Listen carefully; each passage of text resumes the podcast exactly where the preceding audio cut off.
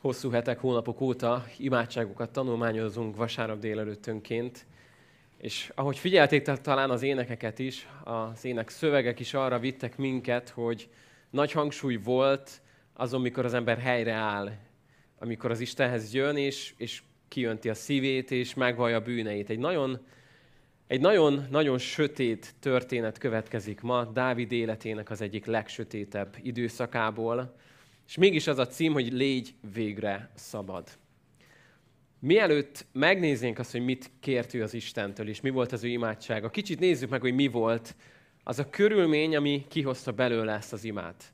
Hogyha szeretnéd kikeresni a történetét, 2 Sámuel, 1 Sámuel 11 és 12-ben fogod ezt megtalálni, és elég hosszasan tárgyalja, hogy mi történt Dáviddal. Ha nem sokat tudsz Dávidról, akkor annyit hadd mondjak el róla, hogy ő a zsidók szemében mai napig a, a csúcs. Ő a legjobb király, ő a legjobb katona, hadvezér, költő, zsoltálíró. Sőt, a Biblia azt mondja róla, hogy Isten szíve szerint való férfi. És amikor, amikor felkenik őt királyá, amikor Sámuel felkeni őt királyá, onnantól kezdve még egy nagyon nehéz időszak következik az életébe. Hosszú éveken keresztül vár arra, hogy tényleg ő lesz a király.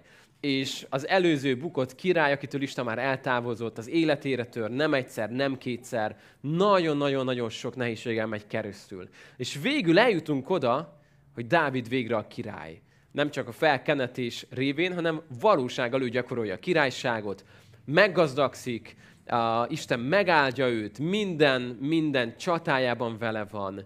Uh, Izrael olyan erős, mint még soha, Jeruzsálem olyan csodálatos főváros, mint még soha, és egyre-egyre szebben történik minden. Eljön az életének úgymond a, a csúcsa. Körülbelül az a történet, amit most olvasunk, azt mondhatjuk, hogy körülbelül ekkor Dávid a legjobb besléseink szerint lehet ilyen 50 év körül volt. Szóval mondjuk azt, hogy már letett mindent az asztalra, megerősödött, jöhetne életének a legszebb időszaka, amikor már úgy megharcolta a harcokat, a 30-as, 40-es évek kemény melói után végre ott van 50 évesen, hogy, hogy megpihenhet, és egy kicsit úgy elengedheti magát. Egy érdekes statisztika a Bibliából, hogy azok a bibliai hősök, szereplők, Isten emberei, akik elbuktak életük végén, és csúnyán fejezik be az életüket, több mint a két harmaduk az életünknek az utolsó egyharmadába bukott el. Amikor már úgy minden szép volt, amikor megerősödtek, amikor minden jó helyére került, és az az érzése támadt az embernek, hogy akkor most egy kicsit megpihenhetek, nem? Most már nem kell úgy figyeljek magamra, nem kell úgy odafigyeljek, nem kell úgy harcoljak, nem kell... Most úgy végre elengedhetem magam. És általában nem a legnagyobb nyüzsgés és nem a legnagyobb harcok közepette buktak el, hanem a legnagyobb unalom közben buktak el. Szóval nagyon sokat tanulhatunk Dávid életéből, Kezdve azzal, hogy van egy királytörvény Mózes könyvében. Isten előre mondja, hogy igen, eljön majd az az idő, mikor majd királyt akartok, és király lesz nektek. De mondott egy néhány dolgot, hogy mire figyeljen a király, amikor király lesz Izraelben. És az egyik dolog így szól, ne legyen sok felesége, hogy szíve el ne hajoljon. Ezt elmondja az Isten, hogyha lesz egy király, akkor erre nagyon vigyáznia kell. Ne legyen neki sok felesége. Ahhoz képest uh, azt olvassuk Dávidról, ahogyan kezd megerősödni az uralkodása. A kettő Sámuel 5-ben már ezt olvasod, miután Dávid Hebronból Jeruzsálembe költözött, még ott is vett el másodfeleségeket és feleségeket. Szóval azt látod, hogy tudta jól, hogy mi a szabály. Tudta jól, hogy Isten azt mondta, hogy a királynak ne legyen sok. Mégis azt olvasod, hogy vett még sokat másodfeleségeket, feleségeket. És a fia majd, a Salamon viszi tovább ezt, a, ezt, a, ezt az ívet, ezt a gondolkodásmódot, ezt a rossz szokást. Ha emlékszel a számokra, könnyű megjegyezni. Hány felesége lesz Salamonnak? 700, 300. Tehát elképesztő számú feleséget gyűjtött be magának. Tegnap voltam egy női konferencián, 800 nő előtt kellett beszéljek életem egyik legnagyobb kihívása volt. Az összes példámat le kellett cseréljem. Nagyon nehéz volt, hogy hogy, hogy tudok kapcsolódni 800 nő, ez a feleségem szívemre kötötte, hogy de érezzem azt, amit ők éreznek. Hát mondom, normális, hogy belehalok, én azt nem tudnám elvi, érezni, amit éreznek a nők. De csak gondolj bele, hogy mennyi felesége lett Salamonnak, mennyi, és nem tudjuk Dávidnál a pontos számot, de azt olvassuk róla, hogy még többet, még többet. És azt gondolhatnád, hogy ezt azért tette, hogy, hogy nehogy kísértés alatt legyen, és akkor lett még egy, meg még egy, hát nem a legjobb, de lett neki még egy felesége, és akkor szépen megnyugodott, mert akkor meg tudott elégedni, és akkor végre nem volt ezzel gondja. Egy érdekes dolog, hogy azzal, hogy még több és még több lesz, nagyon ritkán jön a megelégedettség. Ismersz olyan embert, aki elképesztően gazdag, és a megelégedettségnek még a nyoma sincs az életében? Mert mindig az volt, hogy még egy pici, még ez kellene ahhoz, hogy én megelégedett ember legyek, és akkor majd jó lesz, de minél többet markol, annál többet lát, amit nem tud megmarkolni, és még az is kéne, még az is kéne. És ismersz olyan embert, akinek szinte semmilyen nincs. És mégis annyira meg van elégedve az élete, és olyan hálás. Szóval attól, hogy gyűjtjük a dolgokat, attól nem leszel elégedett. Attól, hogy gyűjtöd a feleségeket, még nem leszel elégedett. És Dávidnak ez egy nagyon-nagyon kemény tanuló pénz volt az életében. Szóval volt egy dolog, amit ő nem tett meg. Jobb azt mondja, szövetséget kötöttem a szememmel, hogy ne tekintsen a szüzekre. Dávid ezt annyira nem tette meg, ugyanis eljut az életének az az időszaka, 14. fejezetben, kettős Sámolyanél olvasod, hogy abban az időben, amikor a királyok háborúba szoktak menni, ez egy tavaszi időszak, ennek nagyon konkrét időszaka volt, egy teljesen értető. Két esőzés van Izraelben, a közel-keleten, korai, kései mikor húzod magad után az ostromgépeket, nem akarod a sárba vinni. Úgyhogy megvolt a két időszak, amikor nem megyünk háborúzni, és megvolt az az időszak, amikor na most mehetünk háborúzni, mert tudjuk húzni a gépeket. Szóval ez egy nagyon egyszerű dolog volt, egy szokás. Ahogyan most ennek van az ideje, akkor most jön a háborúskodás. És azt olvasod, hogy abban az időben, amikor a királyok háborúba szoktak menni, Dávid mit csinált? Otthon maradt. Úgy gondolkodott, hogy én már kiháborúztam magam én már annyit csináltam az Úrért. Én már, én nekem már annyira elegem van. Én már egy kicsit most elengedhetném magam, nem? Egy kicsit én most megengedhetem magamnak azt, hogy itt maradjak, élvezzem azt, amit felépítettem, majd az én embereim, jó, hát azok majd mennek, majd harcolnak azok maguk, a kis sok fiatal hús menjen, én már megtettem, amit nekem kellett. És ekkor azt olvasott, hogy éjszaka közepén fent sétál a palota tetején. Na most, hogyha megnézed, hogy hol volt ez ő palotája, ez egy hatalmas dombot képzelj el, és a dombnak a legtetején van a királynak a palotája. Szóval képzeld, hogy ott vagy a palota tetején, és a dombtető miatt minden egyes házra rálátsz. Mindegyikre. Ez járt a királynak. És hogy kinéz, meglát egy asszonyt, aki ott este fürdőzik. Nem tudjuk, hogy ez a Betsabi ezt miért csinálta. Lehet, hogy teljesen ártatlan volt szegény, és végre egész nap robotolt, és, és már, már a vég összeesés határán volt, és végre este eljött az a pillanat, hogy na most akkor végre megmosdok. Nem tudjuk. Azt is el tudjuk képzelni, hogy tudva azt, hogy egész jó panoráma kilátás van a királyi palotáról rá, kiment oda, és hogy nem, nem használt semmilyen takarót, meg nem, nem bújt el, hanem így telibe Tudta, hogy ott van Dávid, de meg így kicsit most fürdőzik. Nem tudjuk, hogy mit csinált. Valahogy történt ez a helyzet. És azt olvasott, hogy Dávid ránézett, megpillantotta. Mondjuk azt, hogy erről nem tehet. Nem mondanánk teljesen igazat, mert ha jól elfoglalta volna magát Dávid azzal, amit tennie kell, akkor az éjszaka közepén nem, nem fog este sétálgatni.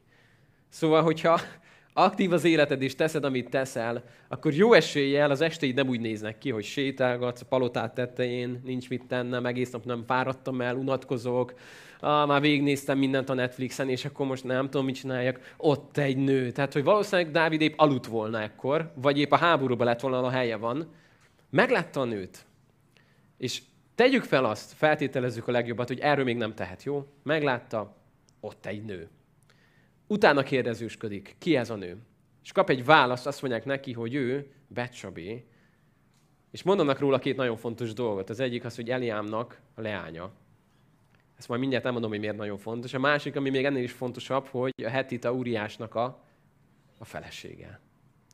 Ez volt az a pont, ahol Dávidnak meg kell találni, és azt mondja, hogy ez van, üssekő, így jártam. Övé, nincs mit tenni. Mind a két mondat, amit mondtak neki, nagyon, nagyon súlyos mondat volt. Az egyik, hogy azt mondták neki, hogy a hetita úriásnak a felesége azért fontos, mert ugye megnézed majd Dávidnál később, amikor felsorolják Dávid legkiválóbb vitézeit. Tudod ki az utolsó, aki meg van említve? Kivel zárják a sort? és ott volt még a hetita uriás. Dávid egyik legkiválóbb vitéze, barátja, aki ott volt mellette, aki a legcsúnyább harcokban ment, és a hűségével szolgálta a királyt. Aki hősként volt, nem egy átlagos katonaként, aki hősként volt nyilván tartva, a hetita uriás. Aztán ami elhangzik róla, hogy kinek a lánya, az azért fontos, mert ugye jól következtetünk, a nagyapja az az Ahitófél, aki majd később tanácsadóként is szolgál, és nem akármilyen. Nagyon erős volt az ő tanácsa, súlya volt az ő szavának, nagy tekintélyű ember volt. Azért következtetek én is arra, hogy ez az az Ahitófél, aki ez a tanácsadó, mert később, amikor ő választás előtt van, hogy kire szavaz Dávidra, hűséges lesz hozzá, vagy a felkeléshez csatlakozik a lázadókhoz, akkor egyértelműen leteszi a voksát a lázadóknál. Na most, hogyha ez az az Ahitófel, akinek a unokájával Dávid elköveti most ezt a dolgot, akkor mondjuk azt, hogy volt rá oka, nem? Szóval azt mondják Dávidnak, hogy figyelj Dávid, két dolgot mondjunk el róla. Kinek a lánya, és kinek a felesége. Ez két olyan információ, ami úgy fejbe az embert. És azt kellett volna mondani Dávid, hogy őha, oké. Okay. Menjünk tovább, sétálok arra. Megyek aludni, kiverem a fejem, megyek harcolni, mindegy. Vagy megyek a sok feleségem közé bárhova, mert volt neki rengeteg. De ehelyett magához hívatta ezt a nőt, együtt háltak, majd utána hazaküldte. És mi történik ezután? Történet folytatása talán ismerős. Kiderül, jön egy üzenet, elég rövid, terhes vagyok. Ennyi volt az üzenet, Dávid azt mondja, hogy hűha. Hát akkor ezt valahogy gyorsan el kell tussolni, és uh, elképesztő leleményes Dávid. Az egyik bűn mindig annyira kreatívan szüli a többi bűnt hogy akkor hivassuk haza Uriást, oké, okay, akkor hivassuk haza, és mondjuk neki, hogy akkor most menjél haza a családot, az az asszonyodhoz, nem akar hazamenni. Miért nem akar hazamenni? Benne volt az a katona becsület, ami egy szokás volt Izraelben, hogy a katona háború idő alatt soha nem alszanak otthon. Még hogyha haza is mentek, az idő alatt, míg bevetésen vannak idézőjelben, ott vannak az úrházánál, ott vannak az oltárnál, nem mennek haza, tartózkodnak minden élvezettől, mert most ez ennek az ideje, hogy így szolgálnak, és erre koncentráljanak. Úgyhogy úgy látszik, hogy ez a úriás nem akar hazamenni. A gyönyörű feleségé, ez, akiről külön ki van emelve, hogy igazán gyönyörű asszony volt. Akkor Dávid tovább próbálkozik, leitatja, tajrészegé teszi szegény úriást, és még ekkor sem megy haza. Eljött az a pont, amikor ennek a részeg úriásnak több józanság volt a fejében, mint a józan Dávidnak. És akkor ezek után történik az, hogy azt mondja Dávid, hogy valahogy ezt meg kell mégis oldani. Elküld egy levelet Uriással, lepecsétel, vagy Uriás, vidd el ezt a levelet, légy szíves a frontra.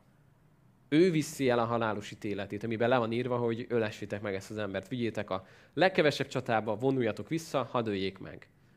Meghal Uriás, Dávid azt mondja, hogy ezzel megvolnánk de jó, hogy soha nem fog kitudódni, de jó, hogy, hogy sikerült mégis ezt elgerebjézni, ugye? Ma azt hittem baj lesz, de nincs baj, mert meg tudtam oldani. És tudod, nagyon szomorú az, amikor az életünkben olyan helyzetekben vagyunk benne, ahol nem attól félünk, amit csináltunk, hanem attól, hogy kiderül. És az nem zavar, amiben benne vagyunk, csak az, hogy ki ne derüljön, ki ne derüljön, meg ne tudják. Jaj, mi lesz, ha meg tudja valaki.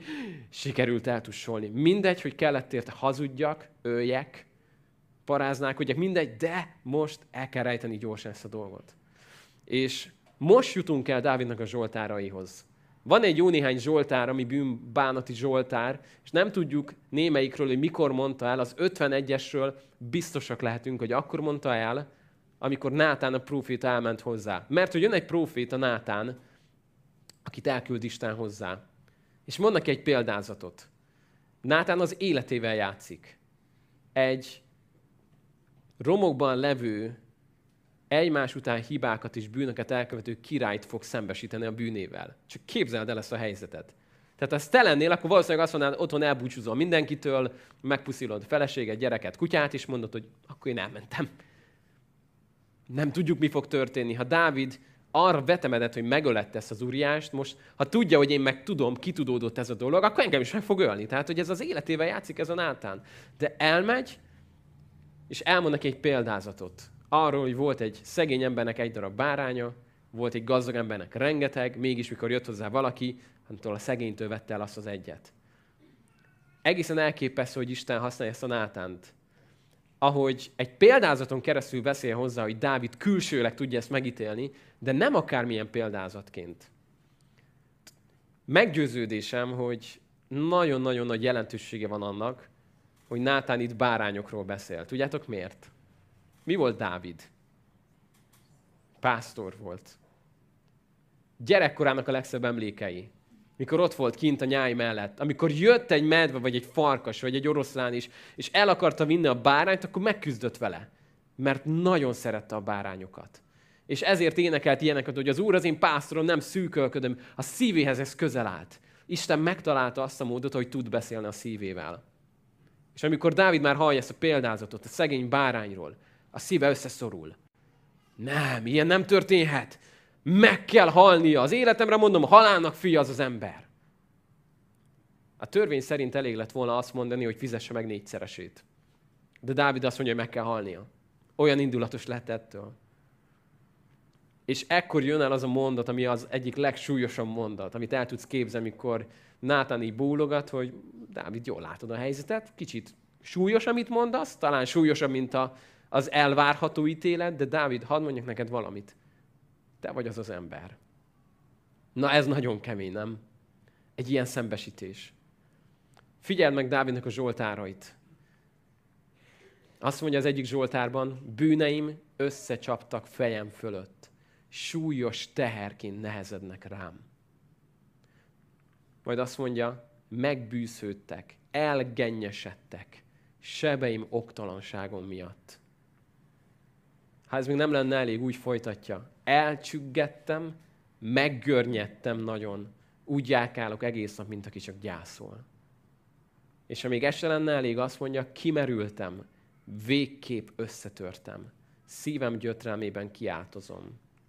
Míg hallgattam, kiszáradtak a csontjaim. Egész nap jajgatnom kellett.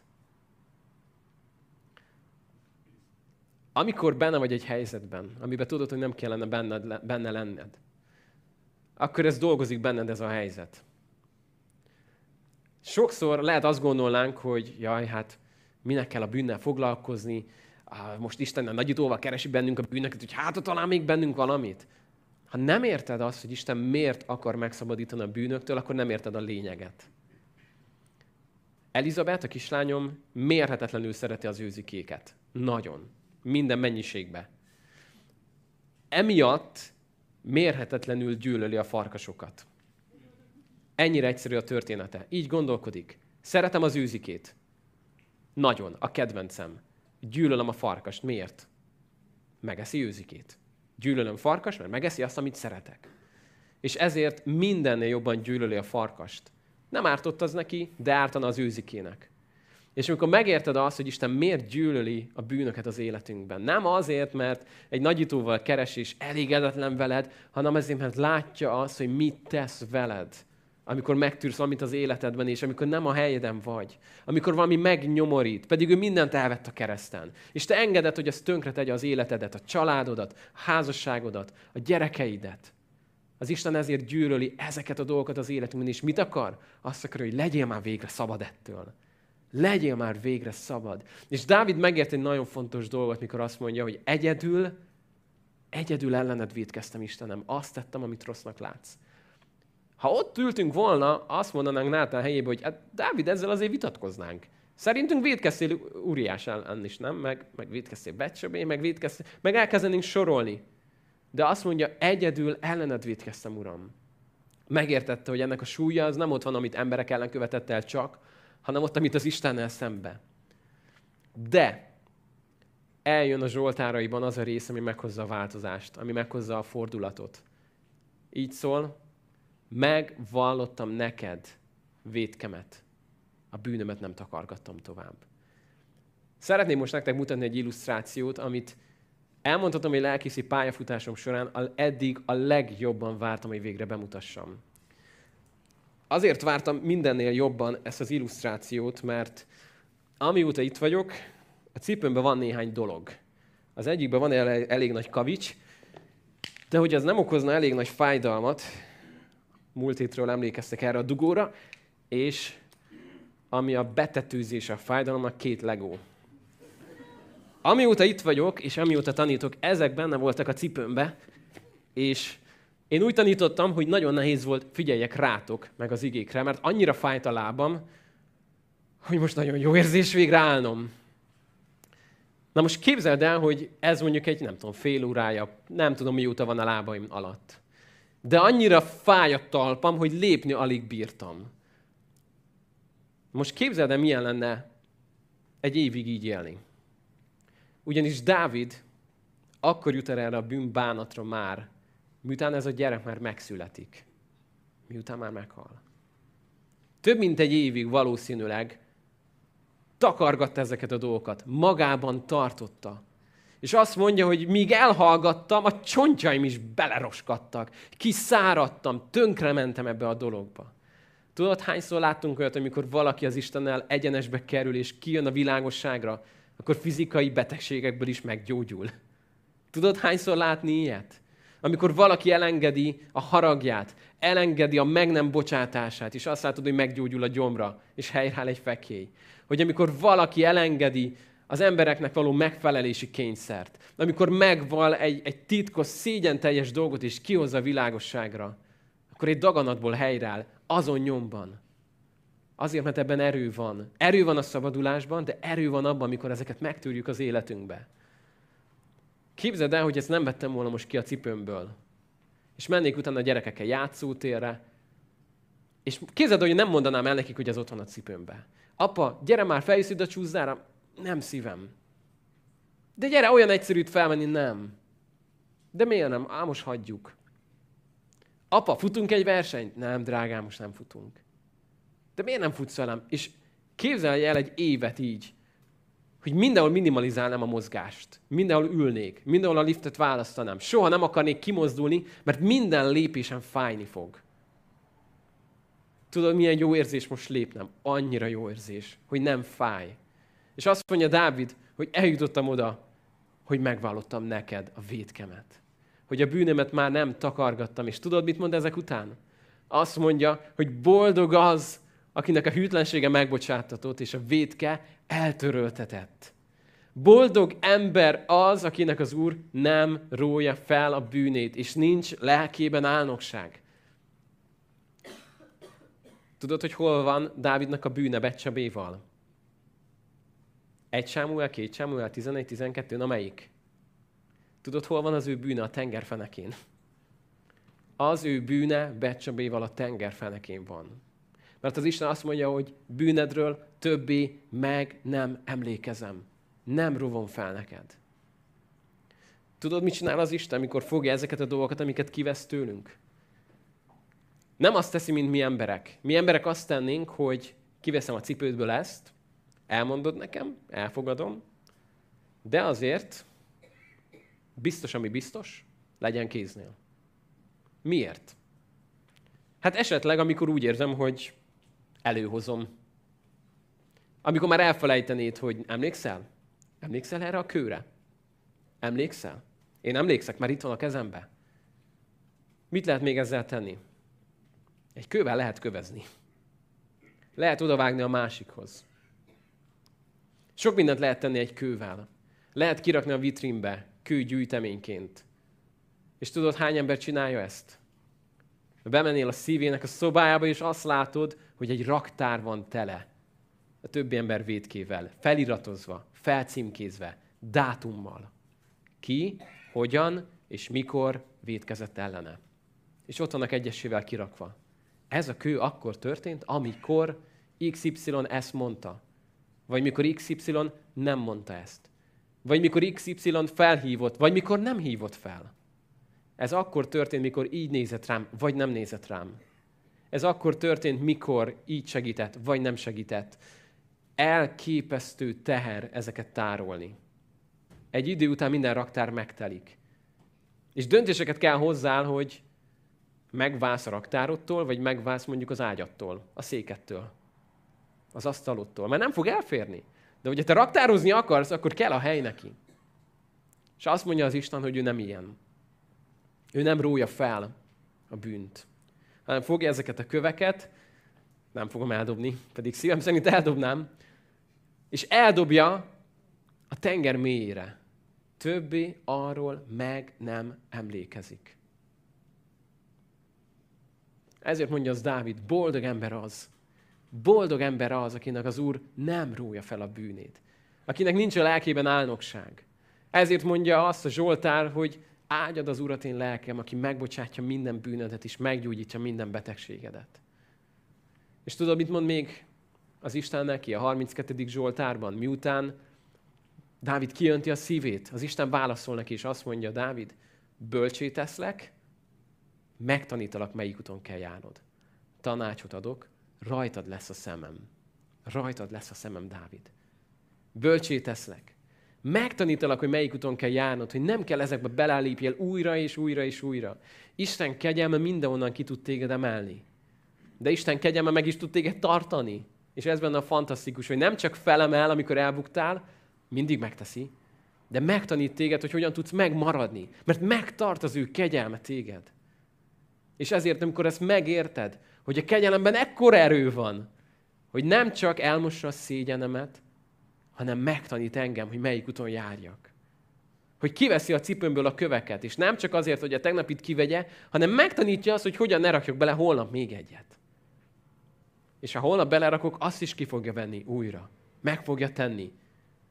De megtanít arra, hogy Barni, ne rakjál legút a cipődbe. Ne rakjál követ. Annak nem ott van a helye. És tudod miért? Mert azt mondja a Zsoltár vége, hogy sok fájdalom éri a bűnöst. Sok fájdalom. Na most tudjuk azt, egy nagyon fontos meggyőződésünk, hogy az Isten elképesztő módon szereti az embert. Hogyha te valakit nagyon-nagyon szeretsz, akkor nagyon nem akarod, hogy fájdalom érje. Az egyik legnehezebb dolog az életben, amikor egy olyan ember, akit nagyon szeretsz, fájdalom alatt van, és ott vagy te- tehetetlenül, hogy hogy segítsek, nem tudok segíteni, mit csináljak?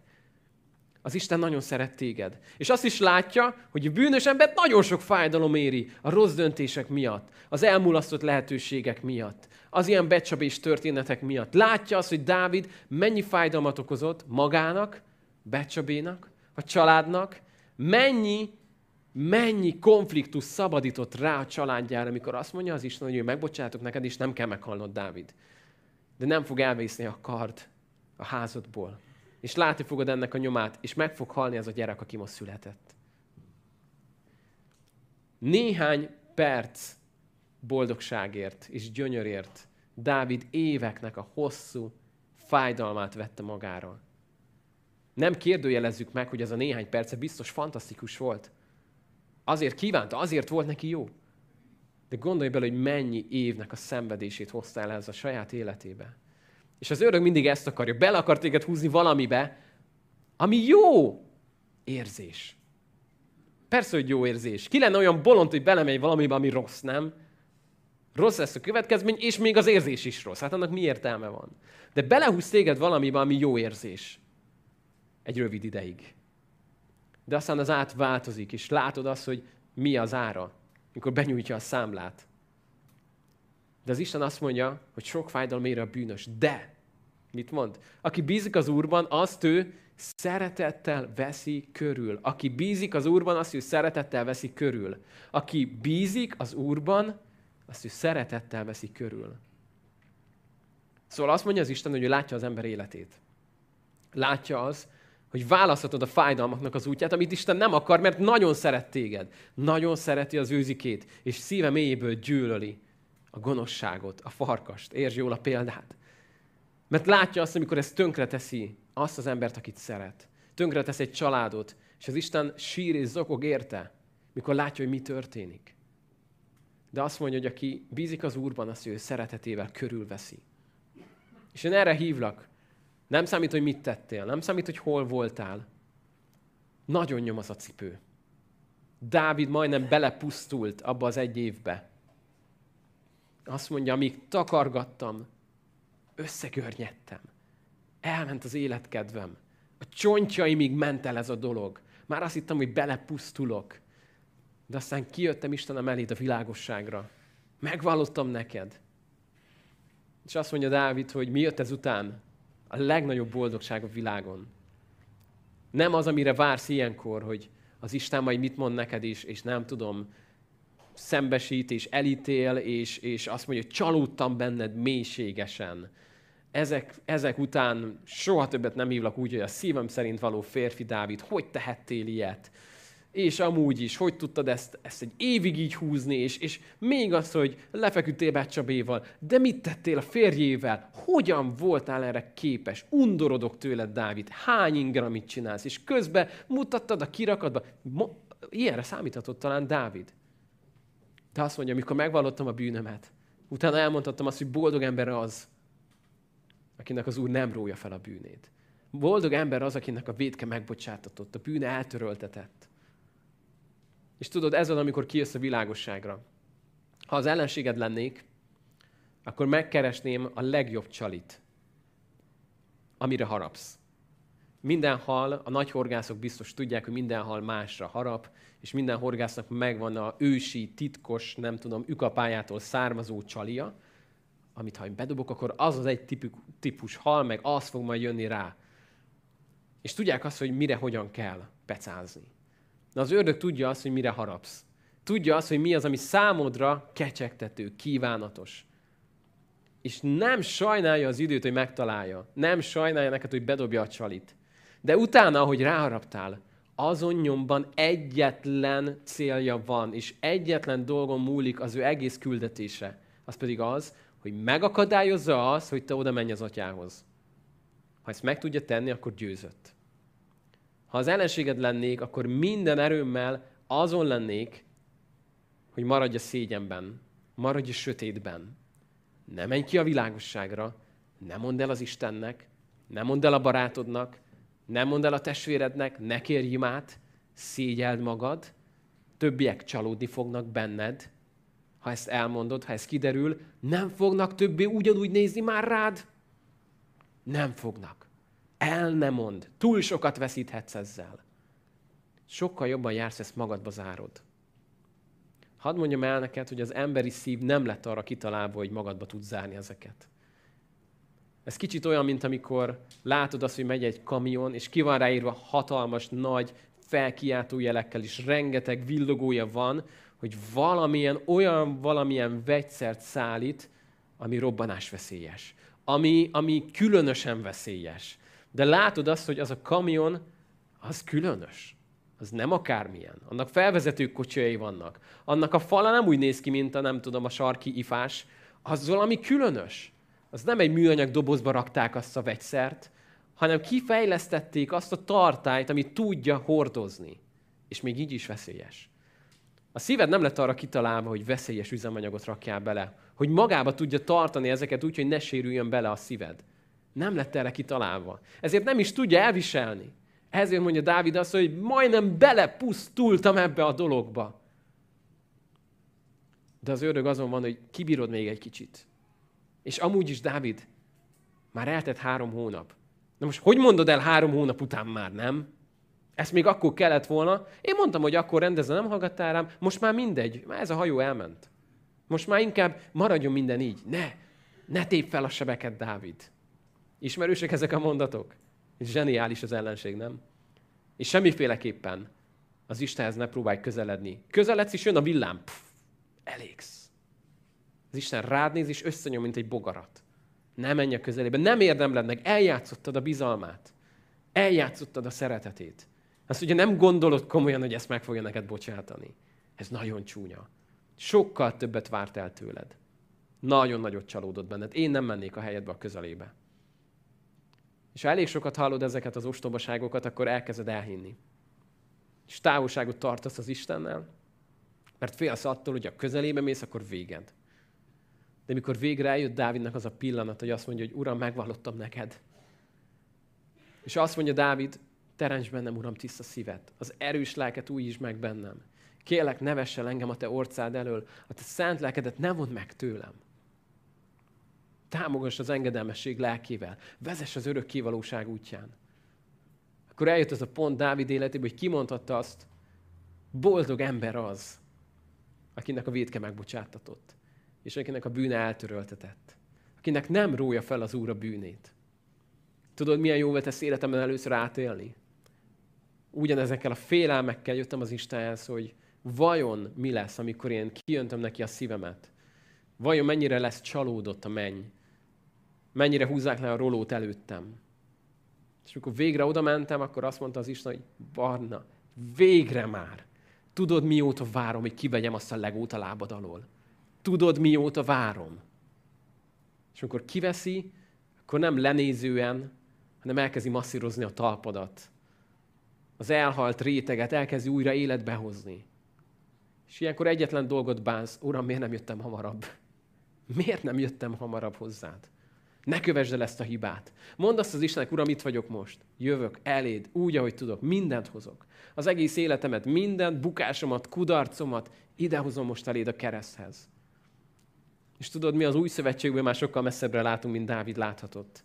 Mi már tudjuk azt a zsidókhoz írt levélből, hogy Jézus egyetlen áldozatával örökre tökéletesítette a megszentelteket. Mi tudjuk azt, mondja János, hogyha megvalljuk a bűneinket, mi történik? Hű és igaz ő, megbocsátja bűneinket, és mit, mit csinál még? Megtisztít minket minden tisztátalanságtól. Nem csak megbocsát, nem csak azt mondja, jó van, mindegy, már mindegy, hogy ezer vagy ezer két bűnöd van, így menjél tovább. Hanem megtisztít. Megtisztít téged, a kezébe vesz és megtisztít. Befejezésként hadd beszéljek nektek három nyúlról. Van három nyulunk, és ez most egy nagy dolog, hogy mondhatom, hogy három. Ugyanis megcsináltam kint a gyönyörű udvarukat. Gyönyörűen a fiúkkal elkészítettük, összecsavaroztuk, háló, fantasztikusan szépen nézett ki. És volt egy nyúl, egy fekete nyúl. Ő volt a fekete bárány. Szép a magyar nyelv, ugye? Szóval ez a fekete bárány, fekete nyúl, ő volt az, amik, amik nem fogta fel, hogy neki jó az élete. És míg a másik kettő olyan cukin és édesen mindig élvezték, hogy naponta kapják többször a finom ételt, a legjobb tápukat, gyerekek játszanak velük, szórakoznak velük, friss vizet kapnak, simogatják, fésülik a bundájukat. Ez a harmadik nyúl ez ezzel semmit nem foglalkozott. Mindig azt néz, hogy hogy tudnak kimászni. Hála legyen az Istennek a Pécelen hallottam, és a péceliek csoportért. Ugyanis egyszer valaki ránk írt, hogy nem a ti nyulatok? Valaki beküldött egy nyulat. Á, mondom, hogy is nekünk nem, nem, nem. Kinézek, egy, kett, kett, kettő. Hol a harmadik nyúl meglógott. Elmentem érte a világ végére. És amikor vittem haza, beszélgettünk az útban. Ott ült mellettem a nyúl. És én mondtam neki, hogy te annyira buta vagy. Nem érted, hogy neked a legjobb életed van itt? Te, te minek mentél ki a kocsik közé? Te normális vagy? Nem érted, hogy azért építettem azt a hálót, hogy a legjobb életed legyen? És minek mész ki? Kint mennyit van? Meg meg fog enni egy sas. Te te meg kimész. Miért mész ki? Hát ennyi eszed van. És látom, hogy nem érti. Aztán beraktam, építettem kétszer akkor a hálót. Most már egy, nem tudom, egy gorilla se tudna onnan kimenni. És most is egész nap kimegyek, és látom, hogy keresi, hogy honnan, honnan tudna kijutni, hogy tudna valahogy kiásni. És nézem, és azt mondtam, hogy egyszer majd megérted. És úgy az Isten szólt az, ami barna. Érted? Érted a dilemmámat? mikor szeretlek téged, és meg akarlak őrizni, és teszitek a butaságot emberek. És én azt mondom, hogy miért mész ki a kocsik közé? Hidd el, hogy jobb dolgod van velem. Miért mész el az atyai házból? Hidd el, hogy nincsen más, amit én ne tudnék neked megadni. Miért mész el, és tékozló módon elmennél az atyától, mikor én tudom neked a legjobbat adni, a legtökéletesebbet. És az Istennek a szeretet ilyenkor körbevesz minket. Nekem csak a kocsiba kellett beülnöm és elmenni egy címre, vinni a ketrecet és hazahozni a nyulat, az Istennek sokkal nagyobb árba került, amikor azt látta, hogy üres a ketrec. Amikor nem azt látta, hogy a harmadik hiányzik, hanem azt mondja Ézsaiás, hogy nincs, aki jót tegyen. Nincs egyetlen egy sem. És az Isten kinézett, és azt látta, hogy az összes ember megszökött. Az összes elment. Egy sincs a helyén. És nem csak Pécel másik házába kell elmenni, hanem le kell szállnia a leg, legnagyobb mélységbe bele fog halni abba, hogy ezt a nyulat hazavigye. És ezek után képzeld, amikor az Isten érted megy, és azt mondja, hogy megjöttem, én nagyon jól jártam, mert egy nyúl kedvelő embernél volt a nyulunk, ezért fantasztikus élete volt ott, amíg nem mentem érte. Amikor az Isten rád talált, akkor mondjuk azt, hogy nem egy nyúl kedvelőnél voltál. Azt mondja az ige az ellenségről, hogy ember gyilkos volt a kezdettől fogva. Így talált meg téged az Isten. Bűneidben, a szennyben, vérbe fagyva. És amikor beültetett téged a kocsiba hazafele, ő sokkal jobb fej volt veled, mint én. Én szittem azt a nyulat. Ő pedig öle, ölébe vett téged, és azt mondta, hogy nincsen semmi baj. Nincsen semmi baj, hazaviszlek. Kifizettem az árat. Mindent helyrehoztam. Gyere és hazaviszlek. Ilyen a mi Istenünk. A szabadságunknak az árát ő fizette ki. És ezek után, hogyha szeretnél kövekkel és legókkal sétálni, megteheted. Megvan rá szabadságod. Azt mondja a Biblia, hogy minden szabad neked. Nem, nem minden válik a javadra, de minden szabad. Megteheted azt, hogy életed végig így élsz, és engeded azt, hogy megnyomorítsa az életedet, a sok minden, amit az ellenség odahoz, és meglopja az életedet. De az Isten mindent kifizetett azért, hogy teljesen szabad legyél. Hogy ne legyen olyan bűn az életedben, ami fogságba tart. Hogy ne legyen olyan dolog, amire azt mondod, hogy a mi családunk ilyen, tudod, a nagypapám is, ilyen gyűlölködő volt, én is, minket így kell szeretni. Hogy azt mondta, hogy eddig is nem tovább. Kijövünk ebből. Szabad leszek. Mert Jézus mindent elvégzett azért, hogy teljesen szabad legyek. Hogy teljesen szabad legyek. Hogy megfussam ezt a pályát a legkényelmesebb Nike cipőben, ruganyos talpal is, ne a legókon tapodjak. Mert mindent elvégzett azért. Eljött értem, és hazavitt. Ezek után minek mennék oda-vissza? És ezért mondja Pál azt, hogy Krisztus szabadságra szabadított meg téged. És mit mond? Állj meg szilárdan, és ne engedd magad újra vissza a szolgaság igájába. Miért tennéd? Miért tennéd, amikor már szabad vagy? Amikor az Isten már kihozott a börtönből, kinyitotta a cella ajtót, miért ülnél vissza a börtöncellába? Az Isten megszabadított téged, és én arra hívlak, hogy élj ezzel a szabadsággal. És mondd azt az Istennek, hogy Uram, ki akarok jönni ma a világosságra. Ezt mondja a Kolossi levél, hogy áldott az Isten, aki kihozott minket a sötétség birodalmából, az ő fiának világosságára. Ezt tette meg. Megfogott minket, és a sötétből kiemelt. Ilyen az Isten. Jó az Isten, és jót akar. És én erre hívlak ma, hogy engedd el az ördög minden hazugságát. Hazudik, mert ember gyilkos.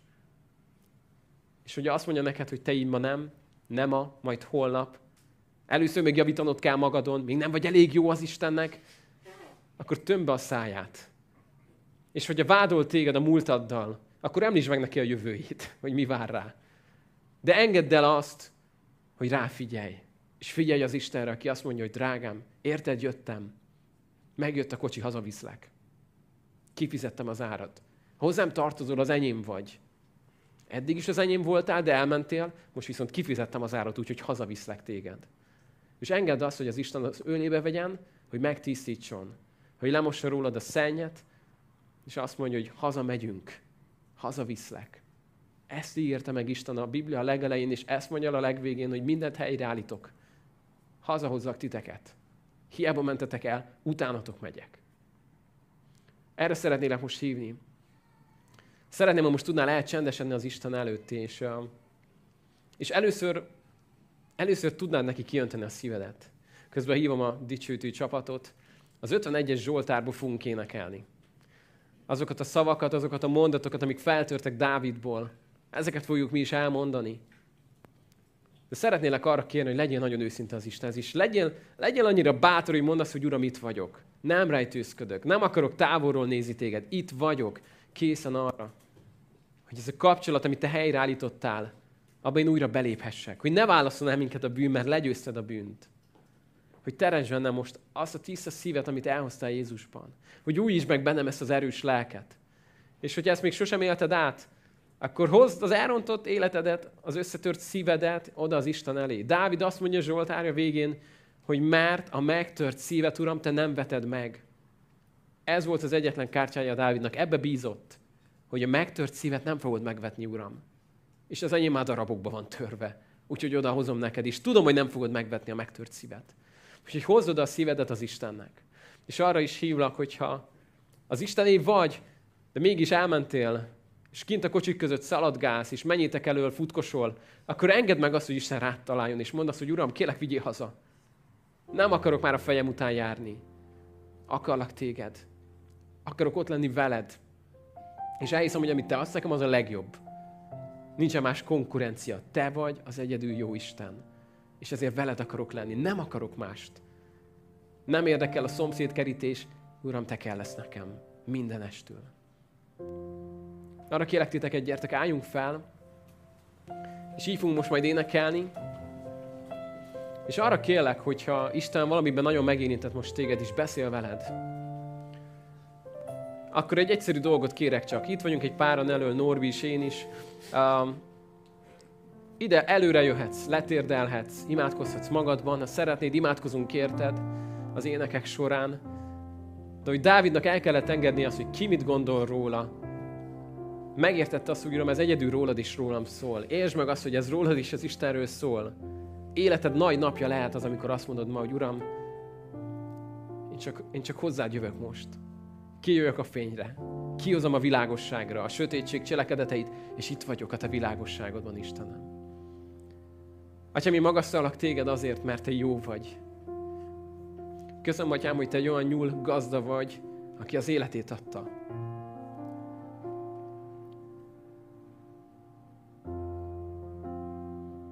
Köszönöm, Atyám, azt, hogy nem az érdemeinket nézed. És nem logikusan bánsz velünk. Köszönöm azt a meg nem érdemelt jó indulatot, amire nem szolgáltunk rá. És köszönöm, Atyám, azt, hogy te ma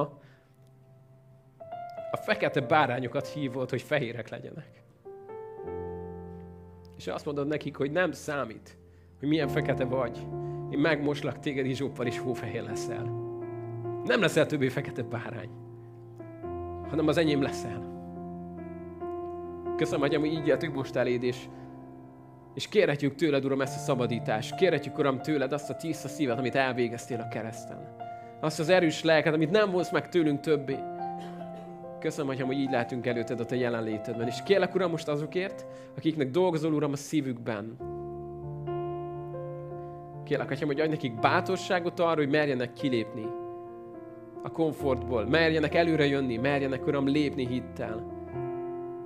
Merjenek végre szabadok lenni, merjék levenni azt a cipőt. Imádkozok, Uram, azokért, akik most online néznek minket. Hogy merjék talán csak azt odaírni a kommentbe, hogy itt vagyok, Jézus, szükségem van rád. Köszönöm, Atyám, hogy Te itt vagy. És köszönöm, hogy cselekszel. Akarunk, Uram, most téged áldani és dicsőíteni azért, aki te vagy. Tied legyen Jézus minden dicsőség ezért.